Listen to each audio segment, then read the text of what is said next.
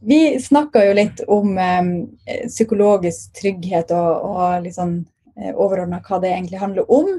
Mm. Og så avslutta vi forrige episode med å si at ok, hvordan kan man faktisk jobbe med det her? Litt mer konkret i et prosjekt eller i et team. Er det noen som har lyst til å, å starte? Jeg kan jo starte. Eh, for min del så kan man skape det på kanskje to ulike måter. En er liksom bare mindset hos enkeltindivid. Og en annen er liksom med aktiv måte hvor du kan innføre liksom, aktiviteter i et team. Da. Eller en organisasjon. Eller eh, enkeltindivider.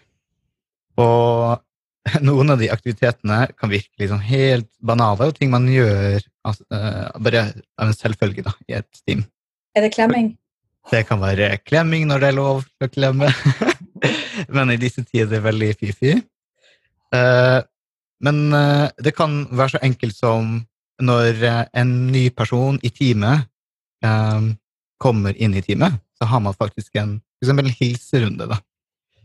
Uh, jeg har kommet inn i team som ny uten å få vite navnet eller rollen eller bakgrunnen til noen i teamet, og måtte selv, som helt nyutdannet, gjøre det. Og det er utrolig skummelt. Og spurte om folk kunne liksom si navnet sitt, og fikk liksom Nei, det det hadde ikke de tid til. Du får ikke vite hva jeg heter. Det er sånn, hva skal du med navnet mitt? Jeg husker liksom reise opp hånden og bare uh, i, i, en sånn første standup sånn, Hei, kan, kan, vi være så snill liksom bare si navnet vårt? Sånn, det er litt vanskelig å jobbe med dere uten å vite navnet deres. Og uh, følte meg liksom ekstremt ekskludert da, i det teamet. Uh, og det er jo det, Altså, 101, don't Altså, en gang du får en ny person i teamet, uh, hvis man har et team, pass på at de føler seg inkludert. Og det er superenkle sosiale ting. Uh, ta de med i lunsjen. Altså sitt med hverandre i lunsjen hvis man har fysisk kontor. Uh, gjør sosiale ting, da. For å ha sosial omgang, egentlig. Ja, det altså, som evolusjonsbiologen her. det, på, det, stemmer veldig bra med eh, hva vi vet om hvordan mennesker samarbeider. For vi er, uh, og Det er noe av det som kjennetegner mennesket som art. Da. At vi er ekstreme samarbeidsvilje. Eh, og vi oppfører oss mer samarbeidsvillige enn det datamodellene av evolusjon tilsier at vi burde gjort. Eh, og, noen av de tingene vi gjør, er på en måte å, å innlede ny, en ny relasjon med å prøve et samarbeid. Og det er litt sånn vi, snakker mye om å konstruere dette som skal til for at et team skal begynne å bli naturlig samarbeidende. Så er det ikke nødvendigvis Det er ikke noe sånn at vi da jobber mot menneskenaturen. Det handler mer om å gi slipp, altså slippe den til. da. Så eh, jeg tenker meg det eksempelet du nevnte, Martin, hvor du eh, altså snakker med hverandre og blir kjent. Liksom, det, det, har vi lyst til å gjøre. Og det gjelder sannsynligvis også de som sa nei, men de føler at de er i en situasjon hvor de ikke får lov til å gjøre det fordi noen betaler dem for å ikke bruke tid på å hilse på de ansatte. måte. Så det er, der er det altså det er litt mer sånn laidback på bare skap det rommet hvor folk får lov til å være eh, seg selv. Så vil veldig mye av disse eh, sosiale tingene de spiller seg ut eh, ganske naturlig. Ja. Og de leder til samarbeid, med mindre det er noen assholes i, i gruppa. ja, fordi eh, det liksom eh, stemmer liksom godt overens med en av de tingene som i hvert fall de gangene vi har prøvd å rigge opp nye teams og nye liksom, squads eller noe, jeg fokuserer på, er å det, er ikke alltid det funker, og det er varierende grad hvor man, godt man lykkes med det. Men prøve å skape en sånn stammekultur. Dvs. Si prøve å skape et eller annet som den gruppa har til felles, som er delvis unikt for den gruppa. Uh, enten det er en slogan, eller det er bare en tradisjon i noen møter, eller det er en, et visst type format på fredagspilsen, f.eks. Mm. Det bare gjør at den gruppa har noe som er litt unikt. Jeg, altså Helt sånn veldig kjølig fra mitt uh, Og dette er, dette er jeg veldig interessert i, for det er så tett opp hovedfaget mitt. Uh, det er noen sånne enkle ting som antall interaksjoner. Altså bare få opp den frekvensen med hvor folk møter hverandre, snakker med hverandre og gjør ting for hverandre. så har du satt i gang den dynamikken som skal til. Da. Så ja. Da skal jeg altså være litt sånn kjølig eh, blårus her, og ikke, ikke så mye fredagspils her. Men eh, en ting som, som, vi sier fordi at det er liksom en rutine, da. Eh, I avdelinga jeg jobber, så har vi kanskje oftere nye prosjekt som er liksom mer kortvarige, da. Eh, hvor man skifter ut teammedlemmene. Så vi har liksom en fast prosedyre på at eh, når vi starter opp med et nytt team eller får et nytt teammedlem, så har man alltid en sånn forventningssamtale i starten. Eh, og det er jo veldig sånn bare sånn OK, starte gjerne helt løs med bare eh, hvis, hvis, man ikke har jobba sammen før eller kjenner hverandre så godt, så er det liksom bare liksom ja, Hvem er du, og hva liker du, og hva trives du best med å jobbe med? Og så inn på liksom, Er det noe spesielt du har lyst til å lære deg mer på? Er det noe du føler deg utrygg på? Liksom, hvordan forventer du at vi skal samarbeide, etc. Mm. Eh, og Det er jo ikke alt som er like lett å svare på helt til å begynne med, men så kan man jo, det gjør jo at det er kanskje enklere å ta en sånn oppfølgingssamtale når det har gått en liten stund. Altså, mm. liksom, Ble det sånn som vi snakka om, eller skal vi justere på noe? Eh, og gjerne også i kombinasjon, vi er ikke, vi er ikke så kjedelige, men gjerne også i kombinasjon med at man har en litt sånn sosial eh, happening i starten, om det være seg eh, ut og ta en pils eller middag eller en lunsj, bare. Eh, mm. så i hvert fall for å liksom markere egentlig at man nå er på en måte i gang. Mm. Hvis man eh, liker litt struktur, så har jeg brukt eh, en sånn verktøy som heter Team Canvas. Hvor man nettopp nødt til å få liksom, en liten oppskrift da, på ting man kan bli kjent eh, med i teamet, og hvilke regler man kanskje har som er litt sånn uskrevne regler. Den er veldig fin hvis man aldri har gjort sånne type øvelser, at man får en liten mal. da. Mm. Og jeg har gjort litt sånn den med litt mer sånn personlig vri, med liksom hvor vi snakker også mer om liksom personlig Oi, nå forsvant jeg kanskje fra dere. Nei, nei, du er her var bare mekke min som eh, døde litt. Ok. Uh, jo, at Det var noe kjempespennende å si det kan, og så bare oi! det var bare mekke min som følte litt personlig utrygghet, sikkert. Men uh, at uh, Åh, oh, nå falt det helt ut. Men jo. Team Canvas. Uh, jeg snakker litt om, eh, I min versjon så snakker jeg litt mer om liksom personlige egenskaper. Sånn, som gjør det liksom litt morsommere også. Liksom, er du B-menneske, A-menneske, liker du liksom kaffe eller te? Liksom. Litt, uh, litt, sånn mer på det sosiale. Og, så det er ofte også med en bit som er, liksom, er noe du uh, liker at folk vet om det, uten at du vanligvis uh, er så komfortabel med å snakke om det. Og da, da pleier jeg ofte liksom å være den første som uh, sier dette, sånn at det liksom skaper en trygghet om at nå kan vi drite oss litt ut. Da.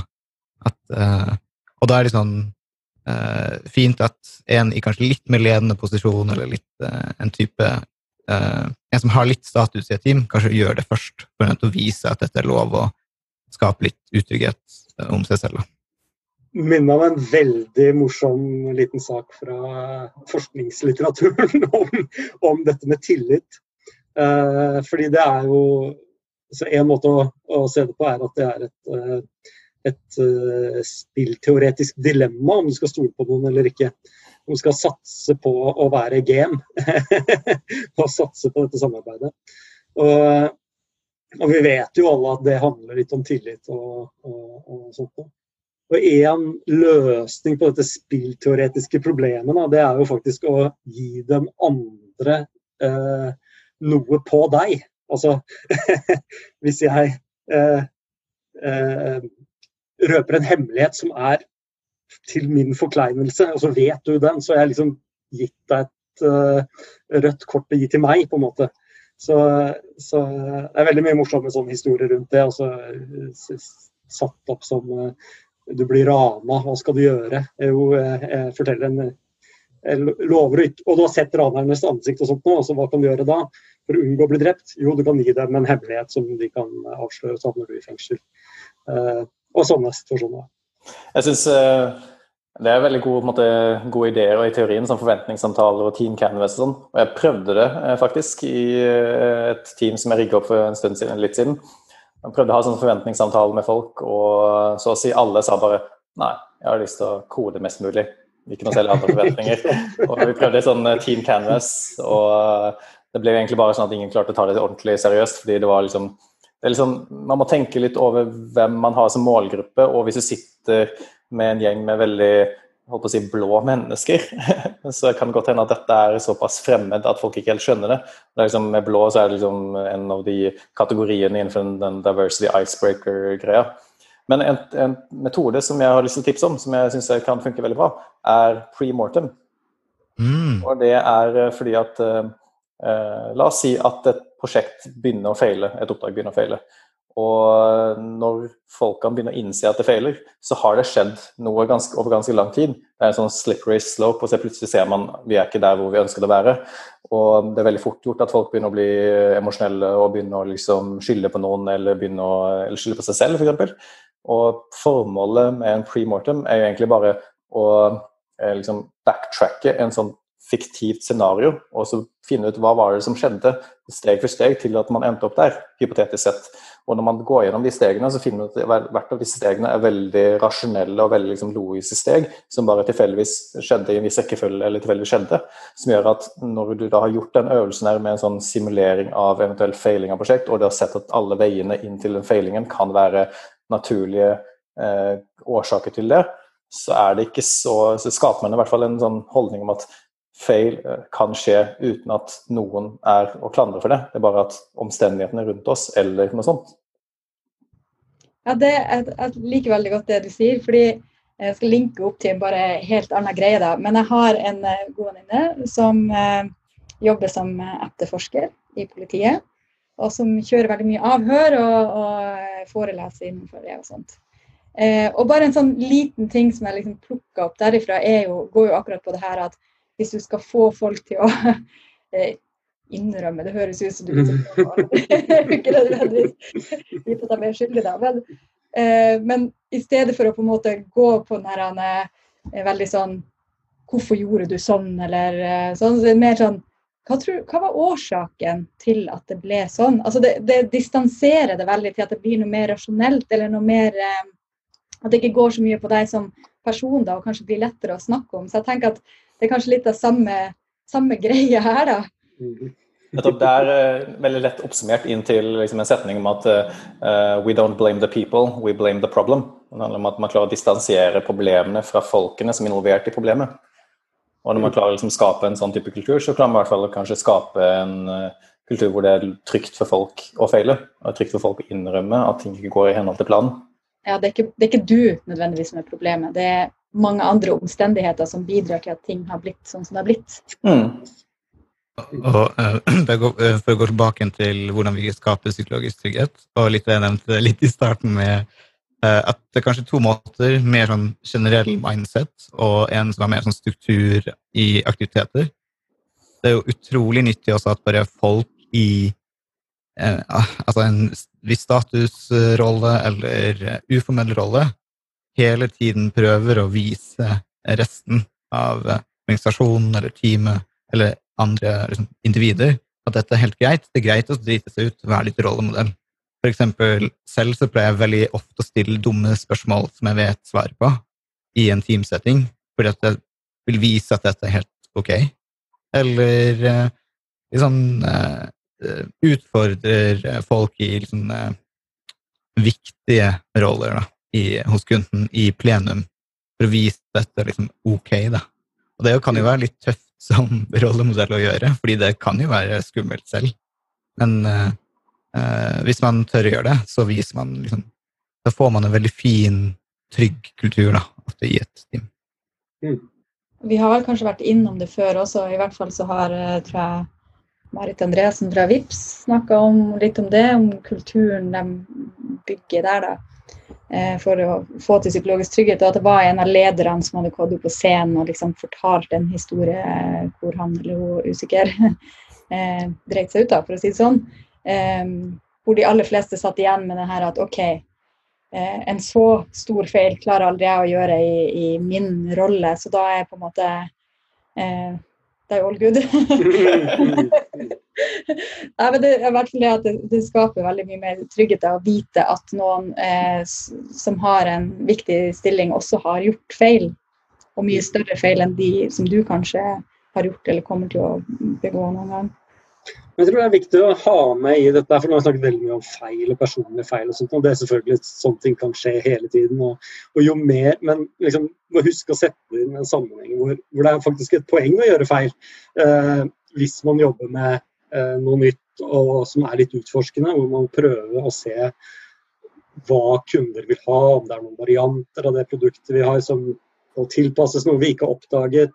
Man skal finne ut av nye muligheter f.eks., så, så trenger vi en vi trenger svær bredde da, av forsøk. Og, og, det er det rommet der vi må eh, blåse opp. da. Og så må vi da passe på å Når vi skyter ned ideer og lærer og, og utvikler produktet over tid, så er det ikke menneskene som har prøvd ut en retning som skal ned, det er ideene. Så det å skille ideene fra menneskene er jo da hele magien i å oppdage nye eh, muligheter. Jeg har veldig lyst til å snakke om uh, to ting, men kanskje i uh, senere episoder. Én ting er litt sånn det eksempelet som du nevnte, Pia, med ledere som kulturelle arkitekter. eller på en måte pådrivere for endring. Og den andre tingen er hvordan skaper du psykologisk trygghet i et scenario hvor det ikke er lov å gjøre feil? Mm. Herlig. Vi får prøve på det. Ja.